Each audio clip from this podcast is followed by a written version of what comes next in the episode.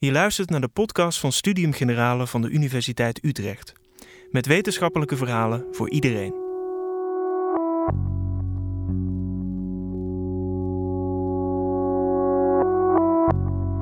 We innoveren erop los om efficiënter voedsel te produceren. Hierdoor brengen rijst en tarwe inmiddels dubbel zoveel op dan 60 jaar geleden. Klinkt goed, toch?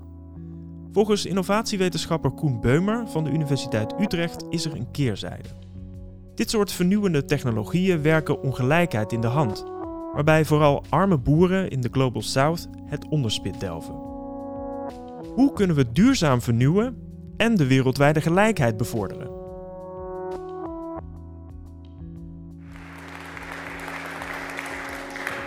Zo, dankjewel voor de introductie en hartstikke leuk om hier te zijn. Ehm, heb er erg veel zin in, omdat ik ga spreken over een onderwerp wat me uh, nauw aan het hart gaat.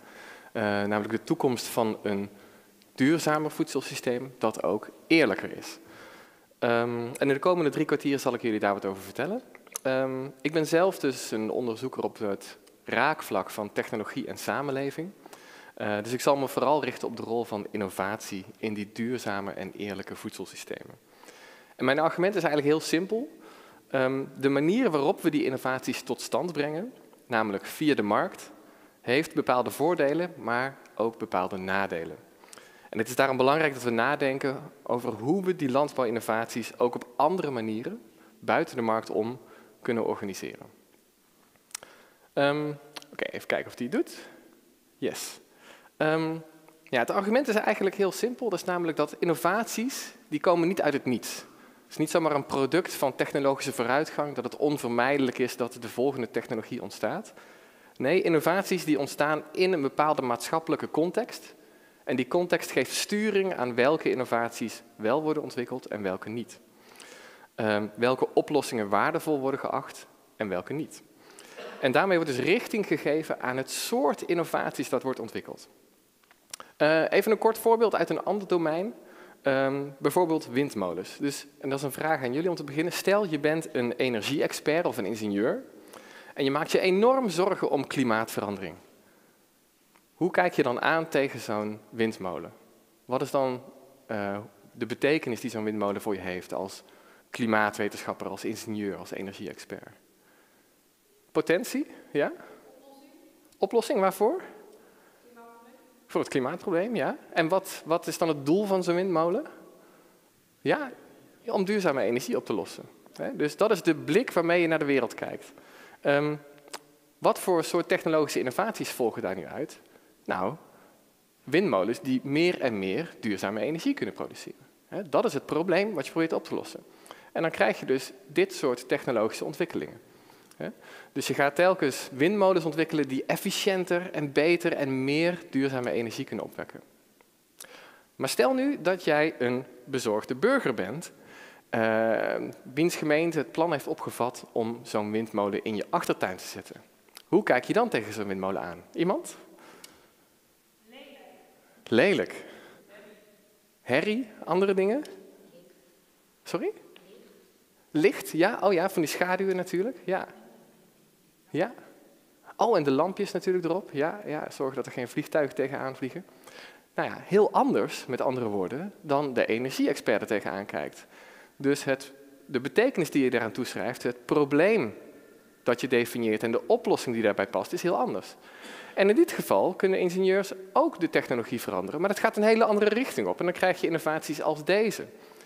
Windmolens die bijvoorbeeld mooier zijn. Windmolens die minder lawaai maken, die minder slagschaduw werpen. Ook oplossingen, technologische oplossingen voor zo'n probleem. Nou, met andere woorden, de maatschappelijke context waarin innovaties gevormd worden, doen ertoe voor het type innovaties dat je uiteindelijk gaat krijgen. En mijn punt is vandaag dat de markt precies zo'n maatschappelijke context is. Als we de ontwikkeling van landbouwinnovaties volledig overlaten aan de markt, dan heeft dat invloed op het type innovaties dat wordt ontwikkeld. Sommige type innovaties worden dan wel geprioriteerd, terwijl andere juist het onderspit delven. Dus dat is mijn argument, heel simpel. En ik zal dat in uh, drie stappen ontwikkelen. Ik zal eerst even wat context geven. Wat is nou eigenlijk het probleem? Uh, wat is de rol van innovatie in landbouwsystemen? Uh, daarna, dus het tweede puntje, zal ik het probleem van de markt kort toelichten. Dus op welke manieren schiet de markt tekort. En tenslotte zal ik ook een alternatief bespreken, namelijk innovaties die tot stand komen in andere economische systemen. Dus dat zijn de drie stappen. Uh, dus laten we beginnen met de context. Um, nou ja, als jullie eerdere delen van deze uh, lezingsserie hebben bijgewoond, dan is het wel duidelijk dat er heel wat uitdagingen zijn voor ons voedselsysteem. In de eerste plaats is het bijvoorbeeld niet bepaald duurzaam. Uh, eerder werd al gezegd dat het verantwoordelijk is voor ontbossing. het is ook een, verantwoordelijk voor een derde van de uitstoot van broeikasgassen wereldwijd. Dat is evenveel als alle transport bij elkaar. Dus alle auto's, vrachtauto's, bussen, treinen, vliegtuigen, ruimtevoertuigen bij elkaar opgeteld. Um, en bovendien is er, zijn er ook nog allerlei uh, gevolgen voor biodiversiteit en uh, vergiftiging, bijvoorbeeld door het gebruik van pesticiden. Pesticiden zijn een hele effectieve manier om ongedierte te bestrijden, waardoor je opbrengst omhoog gaat. Uh, maar tegelijkertijd is het zo dat slechts 2% van de pesticiden die gebruikt wordt, daadwerkelijk eindigen in het ongedierte dat je wilt bestrijden. 98% komt in de bodem, in de plant, in ons drinkwater, etc. Um, dat is slecht voor het milieu, maar het is ook heel slecht voor de gezondheid. In Europa alleen geven wij bijvoorbeeld anderhalf miljard euro uit aan gezondheidszorgkosten ten gevolge van pesticidengebruik per jaar. En ons voedselsysteem staat ook nog voor allerlei andere uitdagingen. Niet te vergeten is dat van alle, de allerarmste mensen op aarde is bijna 80% boer. Dus er is een enorm armoedeprobleem. Dat zijn cijfers van de Wereldbank. En er is natuurlijk nog een hele andere scala aan uitdagingen waar het voedselsysteem voor staat. Er is een groei van de wereldbevolking, waardoor we meer voedsel moeten produceren. Er is verstedelijking en de opkomst van biobrandstoffen, waardoor er eigenlijk meer competitie is voor land uh, om dat voedsel op te produceren. Er is klimaatverandering, waardoor er extra droogte komt, maar ook extra overstromingen, extra hitte en extra kou, waardoor het steeds moeilijker wordt om gewassen te groeien op plekken waar dat eerder goed kon. Um, Afijn, hopelijk is het punt duidelijk. Het voedselsysteem staat voor allerlei uitdagingen. Uh, en daar komt dus innovatie naar voren. Um, vrijwel iedereen is het erover eens dat innovatie een belangrijke bron is om deze uitdagingen aan te gaan, om deze problemen op te lossen.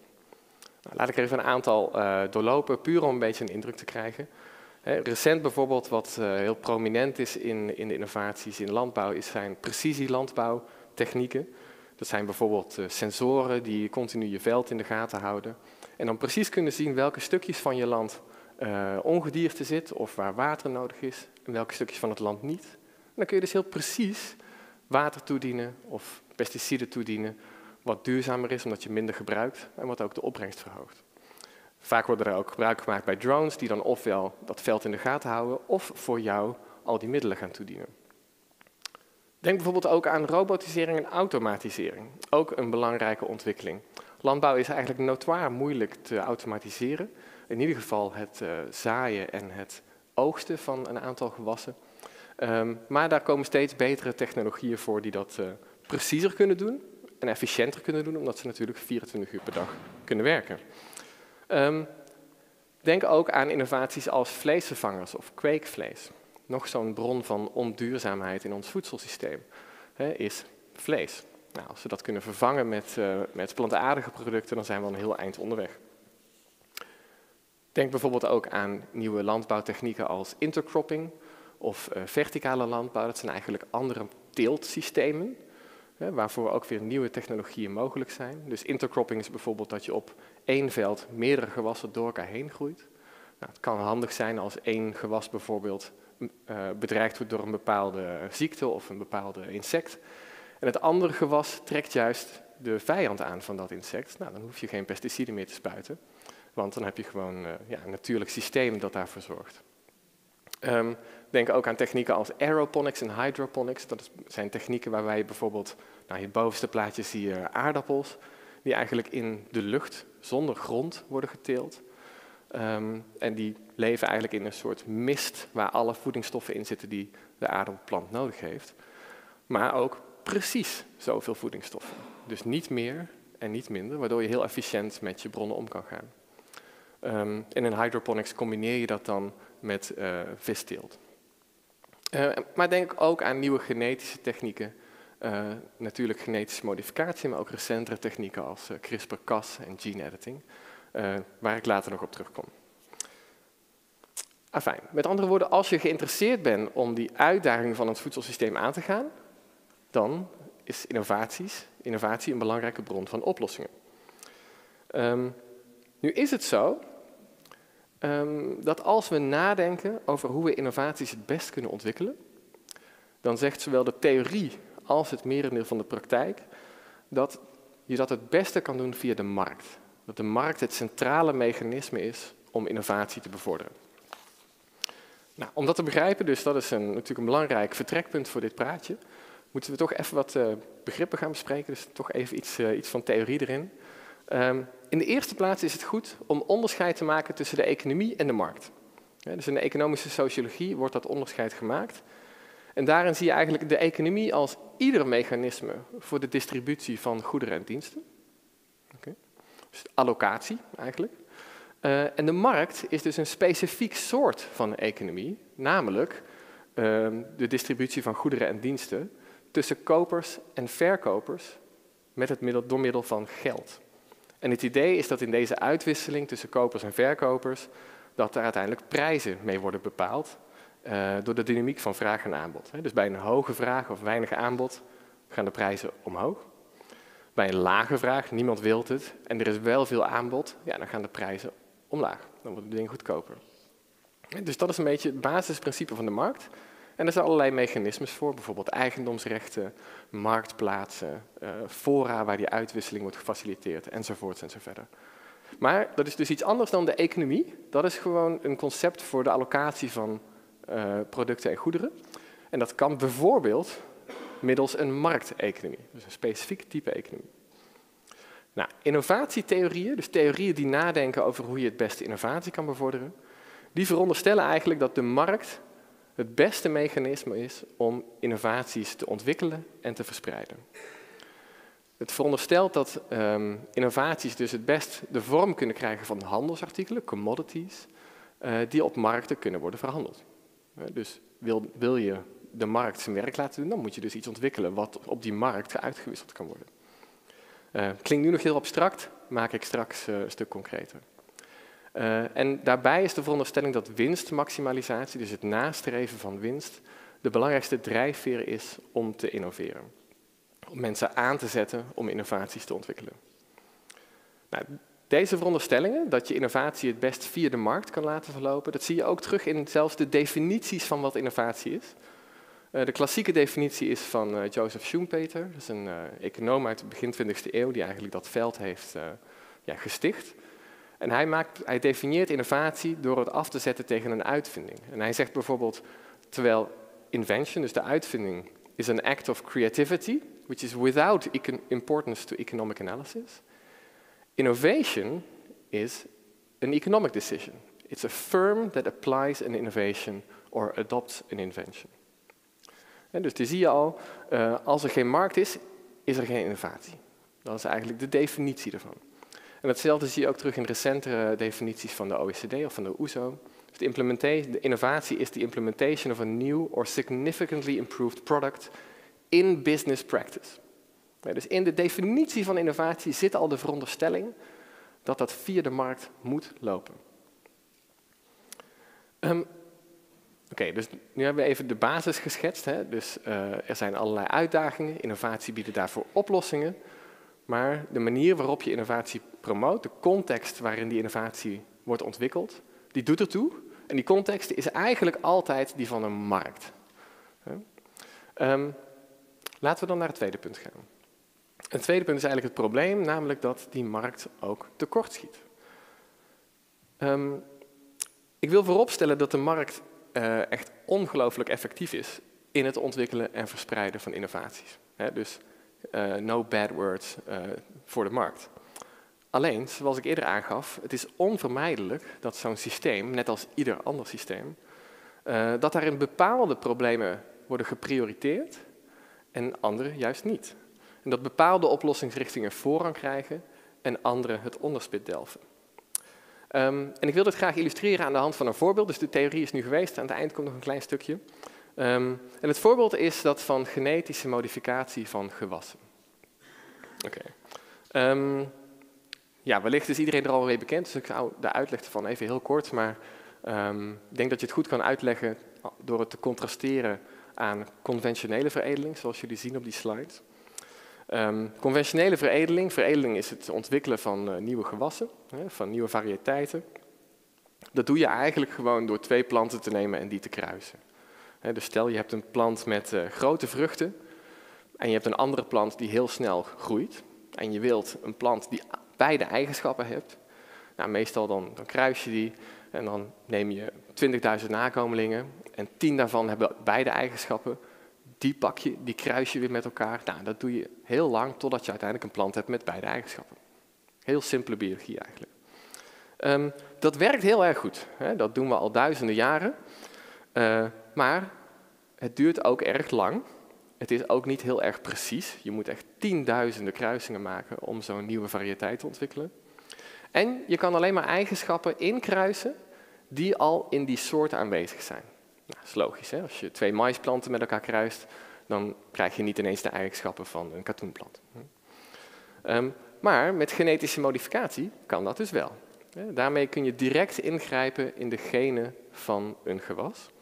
Bijvoorbeeld door genen uit te schakelen of door genen te verwijderen, maar ook door andere genen in te brengen in zo'n plant.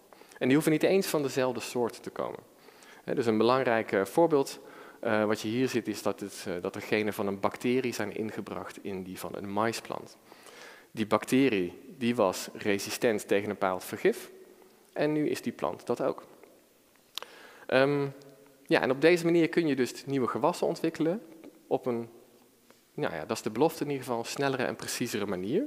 Dus dat biedt allerlei, allerlei mogelijkheden, ook voor duurzaamheid, dus superbelangrijk. Nu is het zo dat de markt het dominante mechanisme is om deze innovatie te bevorderen.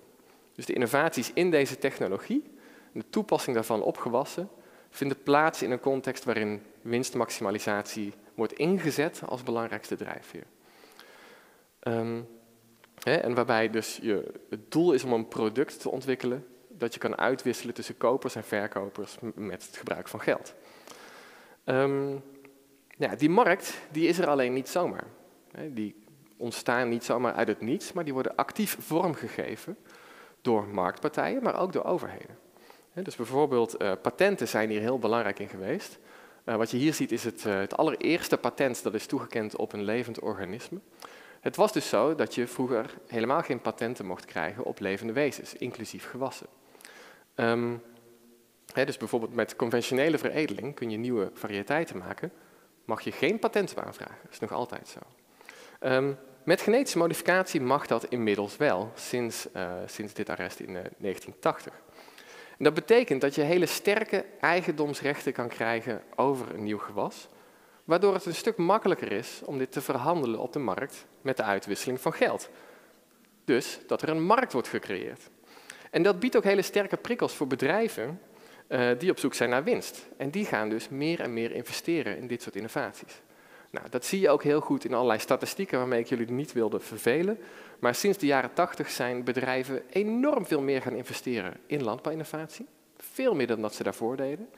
En tegelijkertijd zie je dat overheidsinvesteringen uh, en investeringen van publieke onderzoeksinstellingen in de landbouw enorm is afgenomen. Want de markt ging het doen.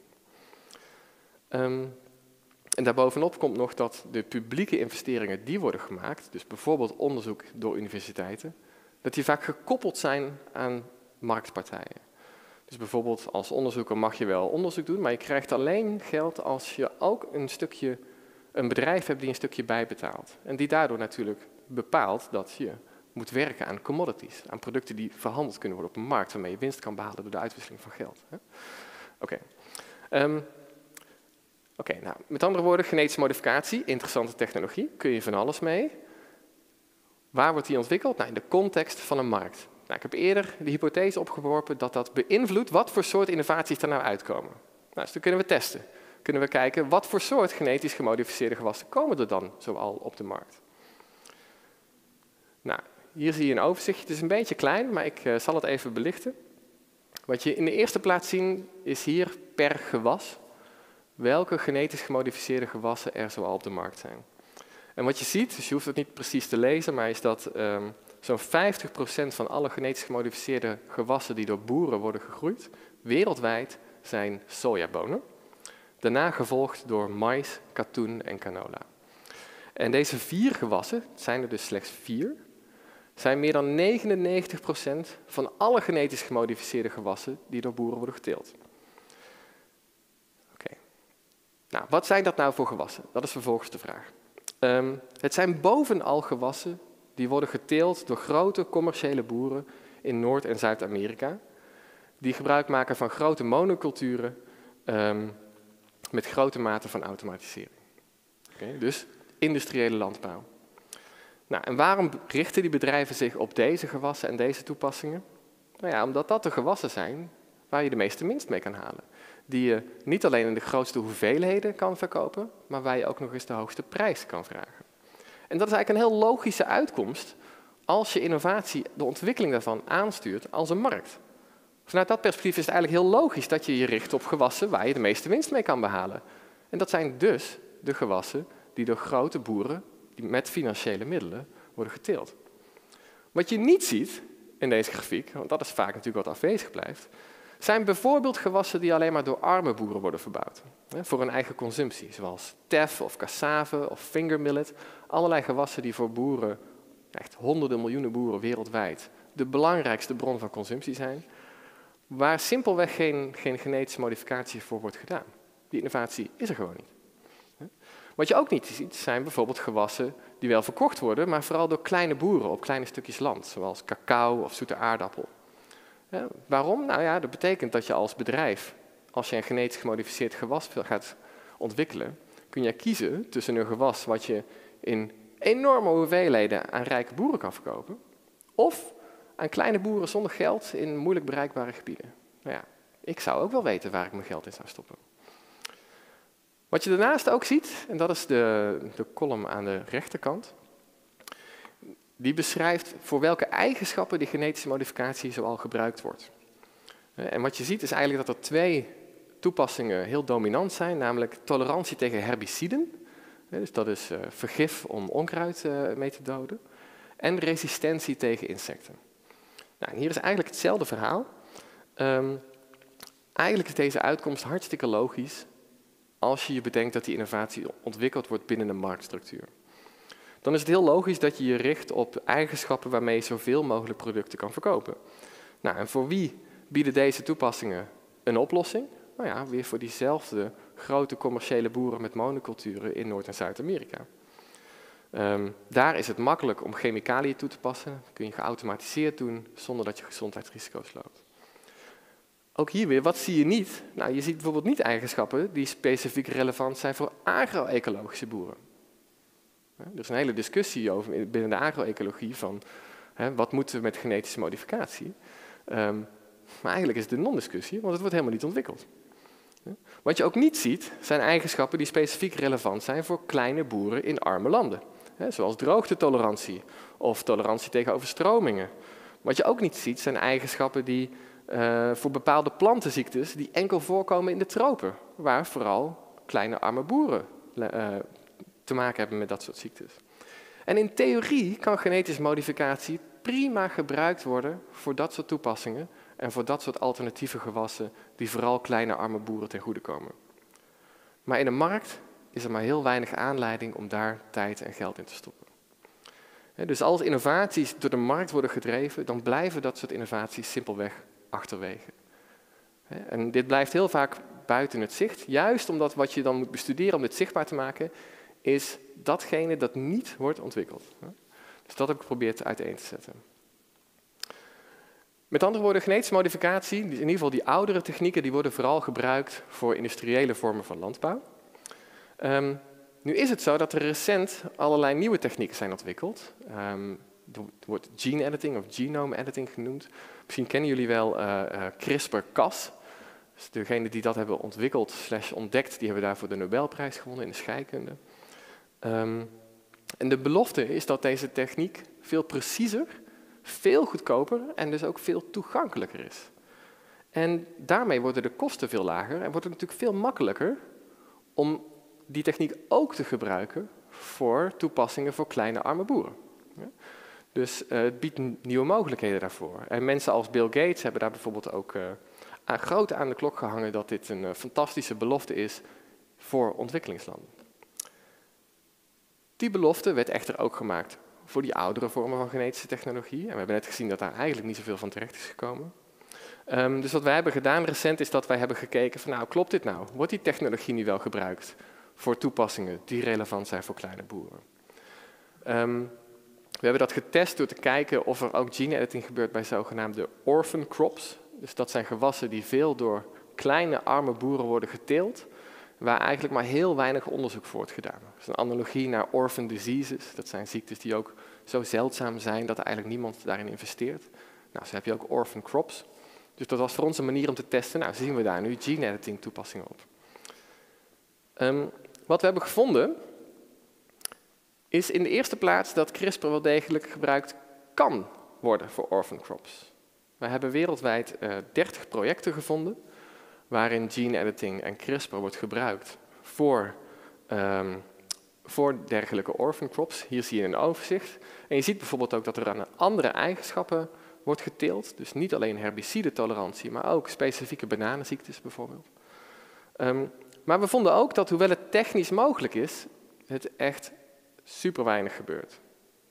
Dus we hebben 30 projecten wereldwijd gevonden, terwijl er vele duizenden wetenschappelijke artikelen en publicaties zijn, specifiek op het gebruik van CRISPR in gewassen. En die gaan dus bijna allemaal weer over grote gewassen voor industriële landbouw. Oké, met andere woorden, de markt bevordert sommige types innovaties, kan dat ook heel goed doen en dat zijn belangrijke innovaties, maar het verhindert juist ook weer andere type innovaties. Oké, nou dan is de vraag natuurlijk, uh, kan het ook anders? En dat is best een moeilijke vraag, omdat op de meeste plekken van de wereld is de markt, het marktsysteem zo dominant, dat eigenlijk alternatieve systemen waarin innovatie plaatsvindt, dat die niet per se zeldzaam zijn, want overal komen innovaties op, maar wel heel kleinschalig. Dus ook in Nederland zijn er allerlei kleinschalige initiatieven om voedsel te democratiseren, om zelfvoorzienend te zijn, om te innoveren op andere manieren. Maar dat zijn allemaal hele kleine initiatieven en ze worden vaak heel snel ingekapseld door de markt. Uh, in ontwikkelingslanden is het echter soms anders. Daar is soms wat meer ruimte, dus daar zijn ook betere voorbeelden te vinden.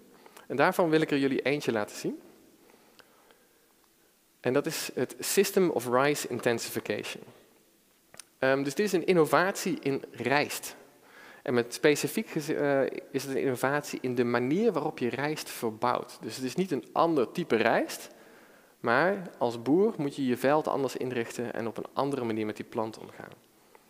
Um, en het is een manier van rijstteelt die echt volledig verschilt van conventionele rijstteelt. Um, ik heb een aantal principes daar opgeschreven. Er zijn ook nog andere principes. Het is een heel dynamische innovatie die uh, eigenlijk waar je ook komt, wordt die net iets anders beschreven. Um, even voor de samenvatting, dus een aantal dingen. In de eerste plaats wat je doet, is dat je sterk verminderd gebruik maakt van water. ik neem aan dat, zo was dat voor mij, als ik denk aan rijstbouw, dan denk ik aan die iconische beelden die je daar links ziet. van die terrasjes met uh, ja, veldjes die net onder water staan, waar dan na verloop van tijd wat rijstplanten uit naar boven komen. Duizenden jaren hebben we dat gedaan. Nu blijkt, eigenlijk kun je het ook zonder water doen. En dan bespaar je dus hartstikke veel water. dus dat is een van de principes van deze rijsteelt, is dat je het land droog houdt, zoals je ziet aan de rechterkant. Tweede principe is dat je de plantjes, de rijstplantjes, dat je die gaat verplaatsen en dat je dat op een hele vroege fase doet. Ehm, met conventionele rijstbouw kun je het op twee manieren doen. Of je neemt gewoon zaad en je gooit dat in het veld. En dan liggen dus overal zaadjes. En daar groeien gewoon plantjes uit. Nou, klinkt heel vanzelfsprekend misschien. Een andere manier is dat je die plantjes eerst heel voorzichtig, want ze zijn nog klein en daardoor kwetsbaar, in een beschermde omgeving laat opgroeien. Dus in een kast bijvoorbeeld. Uh, en als ze dan groter en sterk genoeg zijn, dan zet je ze in de, de volle grond, zoals dat dan zo mooi heet. Um, wat je bij RSI doet, eh, SRI doet, is dat je ze inderdaad ook eerst in zo'n beschermd veldje zaait. maar dat je ze dan al heel vroeg en heel jong verplaatst naar de volle grond.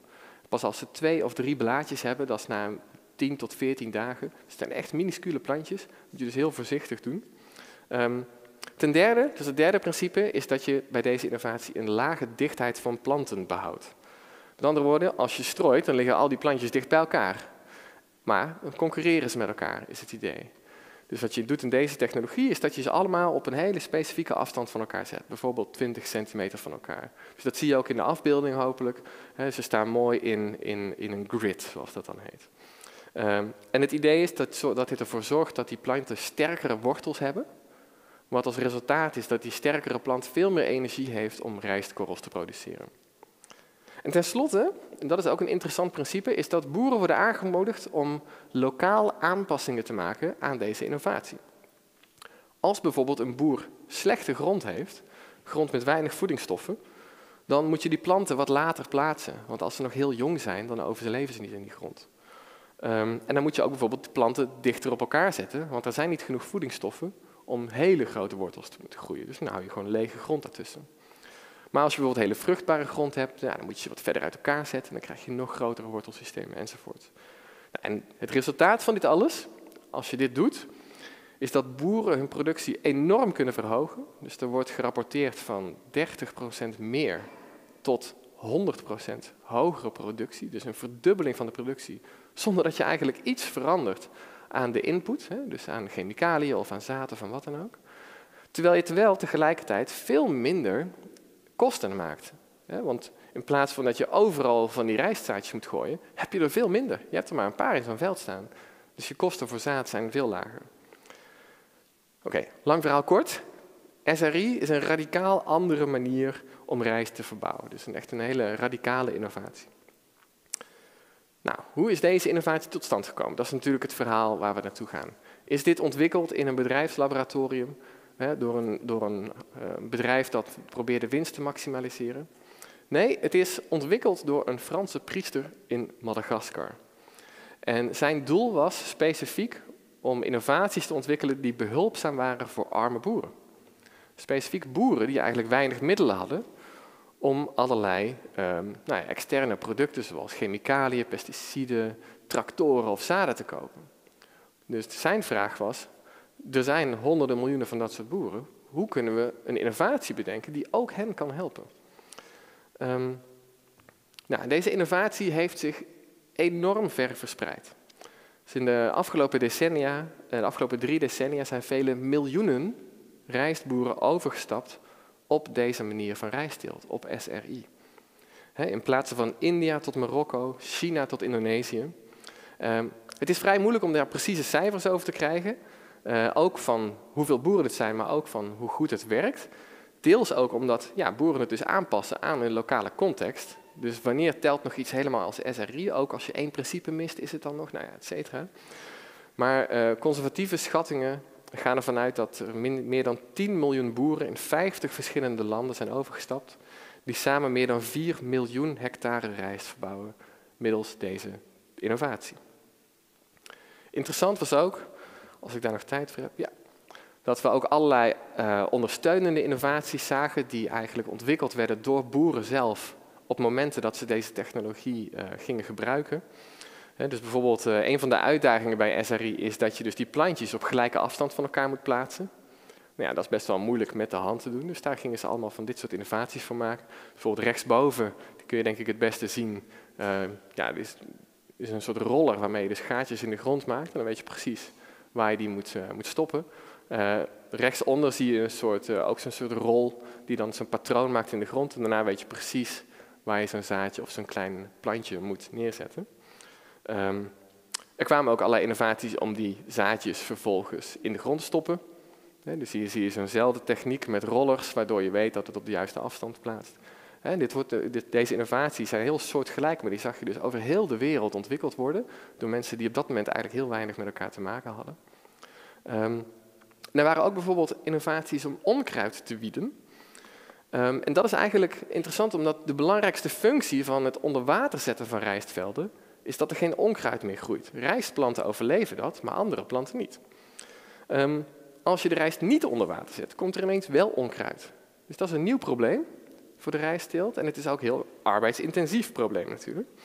En wat je zag is dat wereldwijd er allemaal van dit soort eh, technologieën werden ontwikkeld om um, eigenlijk op een snellere manier dat onkruid te kunnen wieden. Ik was, dit zijn allemaal foto's van meer dan tien jaar geleden, maar ik was toevallig twee weken geleden in India, waarbij ik zo'n, um, die technologie rechtsonder zag. Uh, die dus is ontwikkeld in Colombia, maar die inmiddels door boeren ook in India wordt gebruikt. Zonder dat daar een markt bij, uh, bij een rol in speelde. dus dit is allemaal informatie en technologieën die gratis en vrijelijk gedeeld werd door boeren. Wat niet een kleinschalig initiatief is, maar waar we het hebben dus over zo'n 10 miljoen boeren in 50 verschillende landen. Nou, hoe is SRI dan verspreid? Nou, in de eerste plaats, belangrijk om te benoemen, is dat markten hier dus geen enkele rol in hebben gespeeld. Ons onderzoek heeft laten zien dat uh, rijst nooit een commodity is geworden, nooit een handelsproduct. Uh, het is nooit verkocht, het is nooit gekocht. Er was geen patent, er was, was geen marktstructuur, er was geen handelsplaats. Uh, er was simpelweg geen markt. In plaats daarvan, wat we vonden, was dat er allerlei andere mechanismes waren. Dus andere systemen die ervoor zorgden dat SRI ontwikkeld werd, verbeterd werd en zich verspreidde. Is een beetje een complex verhaal, maar om het te versimpelen, hier een aantal van de hoofdrolspelers. Dus een heel belangrijk figuur was een Amerikaanse hoogleraar van Cornell University, die over heel de wereld reisden om het woord te verspreiden over deze technologie. Er waren ook lokale NGO's die trainingssessies organiseerden in lokale talen die door de boeren gesproken werden. Um, er waren netwerken van boeren, meer informeel, uh, tussen boeren en hun kennissen, die elkaar vertelden over de innovatie en hoe je dat het beste aan die lokale omstandigheden kon aanpassen. En er was ook een internationaal netwerk, wat je rechtsonder ziet, uh, dat allerlei informatie van, wereld, van over het hele wereld verzamelde en gratis beschikbaar stelde in allerlei verschillende talen. En in al deze gevallen werd de innovatie gratis en voor niets doorgegeven. Sterker nog, we hebben ook bewijs dat pogingen om deze technologie te vermarkten de innovatie zelf eigenlijk zouden hebben verhinderd.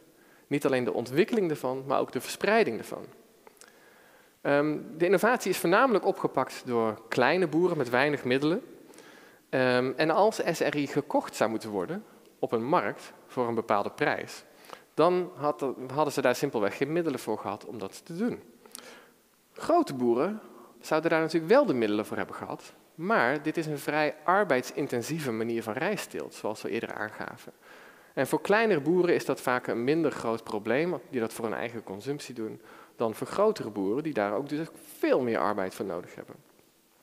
Met andere woorden, als SRI een handelsproduct zou worden dat je enkel kon kopen op de markt, dan zou het simpelweg minder succesvol zijn. Nou, wat wij dus hebben gevonden is dat markten eigenlijk geen enkele rol hebben gespeeld in de ontwikkeling en de verspreiding van deze innovatie. En dat gaat dus radicaal in tegen de veronderstellingen van al die innovatietheorieën. Die stellen juist, innovatie kun je eigenlijk het beste en misschien wel alleen ontwikkelen in een context van een markt. Nou, laten we die veronderstellingen er nog even bij halen. Dus innovaties uh, kun je het best promoten door ze te zien als handelsartikelen die op markten kunnen worden verhandeld. Nou, wij hebben gezien dat SRI vrijelijk wordt uitgewisseld, maar niet tussen kopers en verkopers en ook niet met het gebruik van geld. Uh, de tweede veronderstelling is dat winstmaximalisatie de belangrijkste drijfveer is om te innoveren. Nou ja, ook dat hebben we gezien. SRI is ontwikkeld door een priester en, en het is verder ontwikkeld door boeren uh, die voornamelijk voedselzekerheid en weerbaarheid nastreefden. En die vervolgens die innovatie ook vrijelijk hebben doorgegeven. Dus winstmaximalisatie speelde in die zin een heel beperkte rol. Um, ja, dus met andere woorden, SRI, deze innovatie, was geen handelsartikel. Er kwam geen winst aan te pas en toch was het een succes. Dat gaat dus in tegen alle dominante ideeën die wij hebben over hoe je innovatie het best kan organiseren. Nou, hoe kunnen we deze innovatie nou wel het best begrijpen? Hoe kunnen we dan wel begrijpen hoe deze innovatie tot stand is gekomen? Wat kunnen we daarvan leren? Uh, nou, er komt toch wat theorie, hè? dat gaf ik in het begin al aan, dat aan het eind ook nog even wat kwam. Um, eerder zei ik al dat markten een specifieke, specifiek type economie is. dus een economie is een systeem waarin goederen worden geallockeerd, van distributie. En de markt is er één vorm van, namelijk het allokeert die middelen uh, middels een uitwisseling van kopers en verkopers, waarmee concurrentie en, en uh, prijzen worden bevestigd. Naast de markteconomie zijn er dus ook andere types economie, andere manieren om goederen te allokeren. En antropologen en economisch sociologen, uh, zoals Karl Polanyi, waar wij hier gebruik van maken, die hebben verschillende typologieën gemaakt. Dus naast markteconomieën, die we dus hebben al gezien, onderscheiden zij bijvoorbeeld ook gifteconomieën um, herverdelingseconomieën en zelfvoorzienende economieën.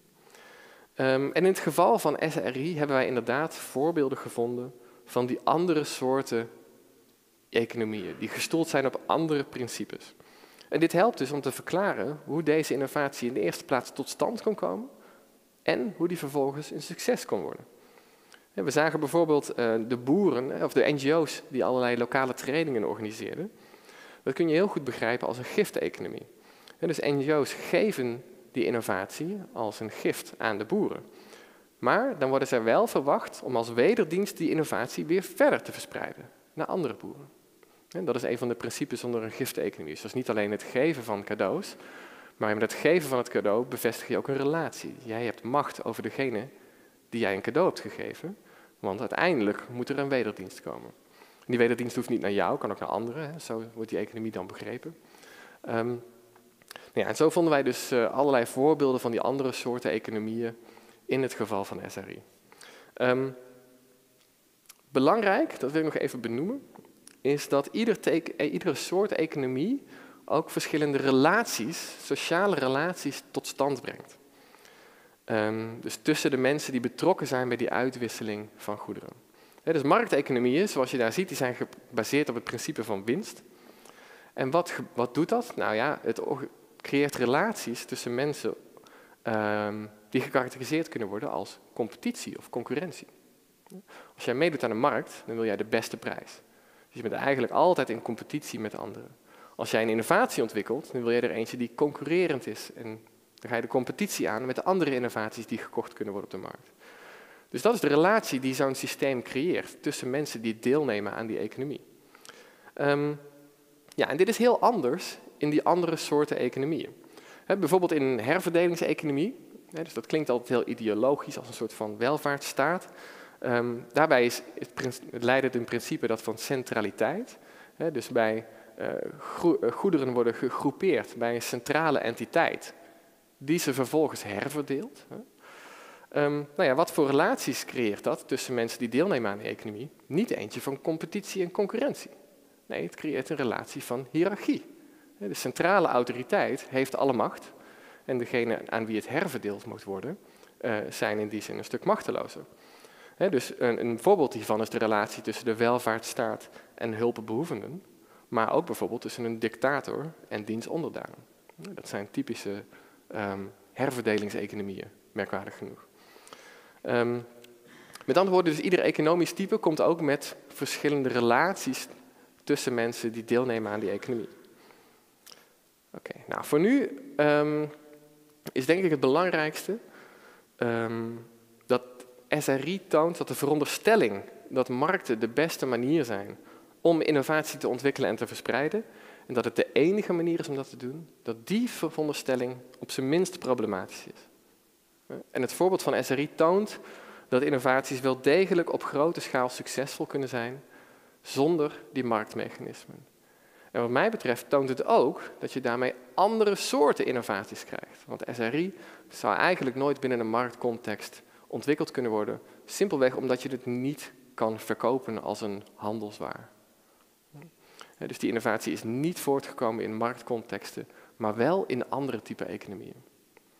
Um, en belangrijker is dus dat tweede punt, waarmee we begonnen. Het economisch systeem waarin innovaties worden ontwikkeld, beïnvloedt welke innovaties en welke oplossingen worden ontwikkeld en welke niet. dus dat is de tweede conclusie. Dus heb je een systeem dat alleen maar is gericht op duurzame energie, dan krijg je grotere en grotere windmolens. Heb je een systeem dat ook andere waarden accommodeert, dan krijg je ook windmolens met minder slagschaduw. En op dezelfde manier is het zo dat als een systeem volledig wordt gedomineerd door de markt, dan krijg je enkel innovaties die je kan verhandelen als een handelswaar. waar eigendomsrechten op, kunnen berusten en die kunnen worden uitgewisseld tussen kopers en verkopers ten behoeve van de winst. Ehm, dan krijg je dus wel pesticiden die verkocht kunnen worden aan boeren, maar je krijgt geen betere cassave voor kleine arme boeren. Je krijgt wel genetisch gemodificeerde mais voor grootschalige landbouw, maar je krijgt geen System of Rice Intensification voor kleine boeren in ontwikkelingslanden. En mijn argument is daarom dat als we daadwerkelijk die uitdaging het hoofd willen bieden, waar het huidige voedselsysteem tegenaan loopt, dan moet er ook ruimte zijn voor dat soort alternatieve economische systemen. Dank jullie wel.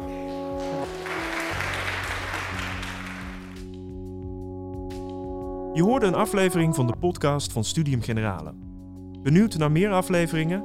Ga naar sg.uu.nl/podcast of abonneer je op je favoriete platform.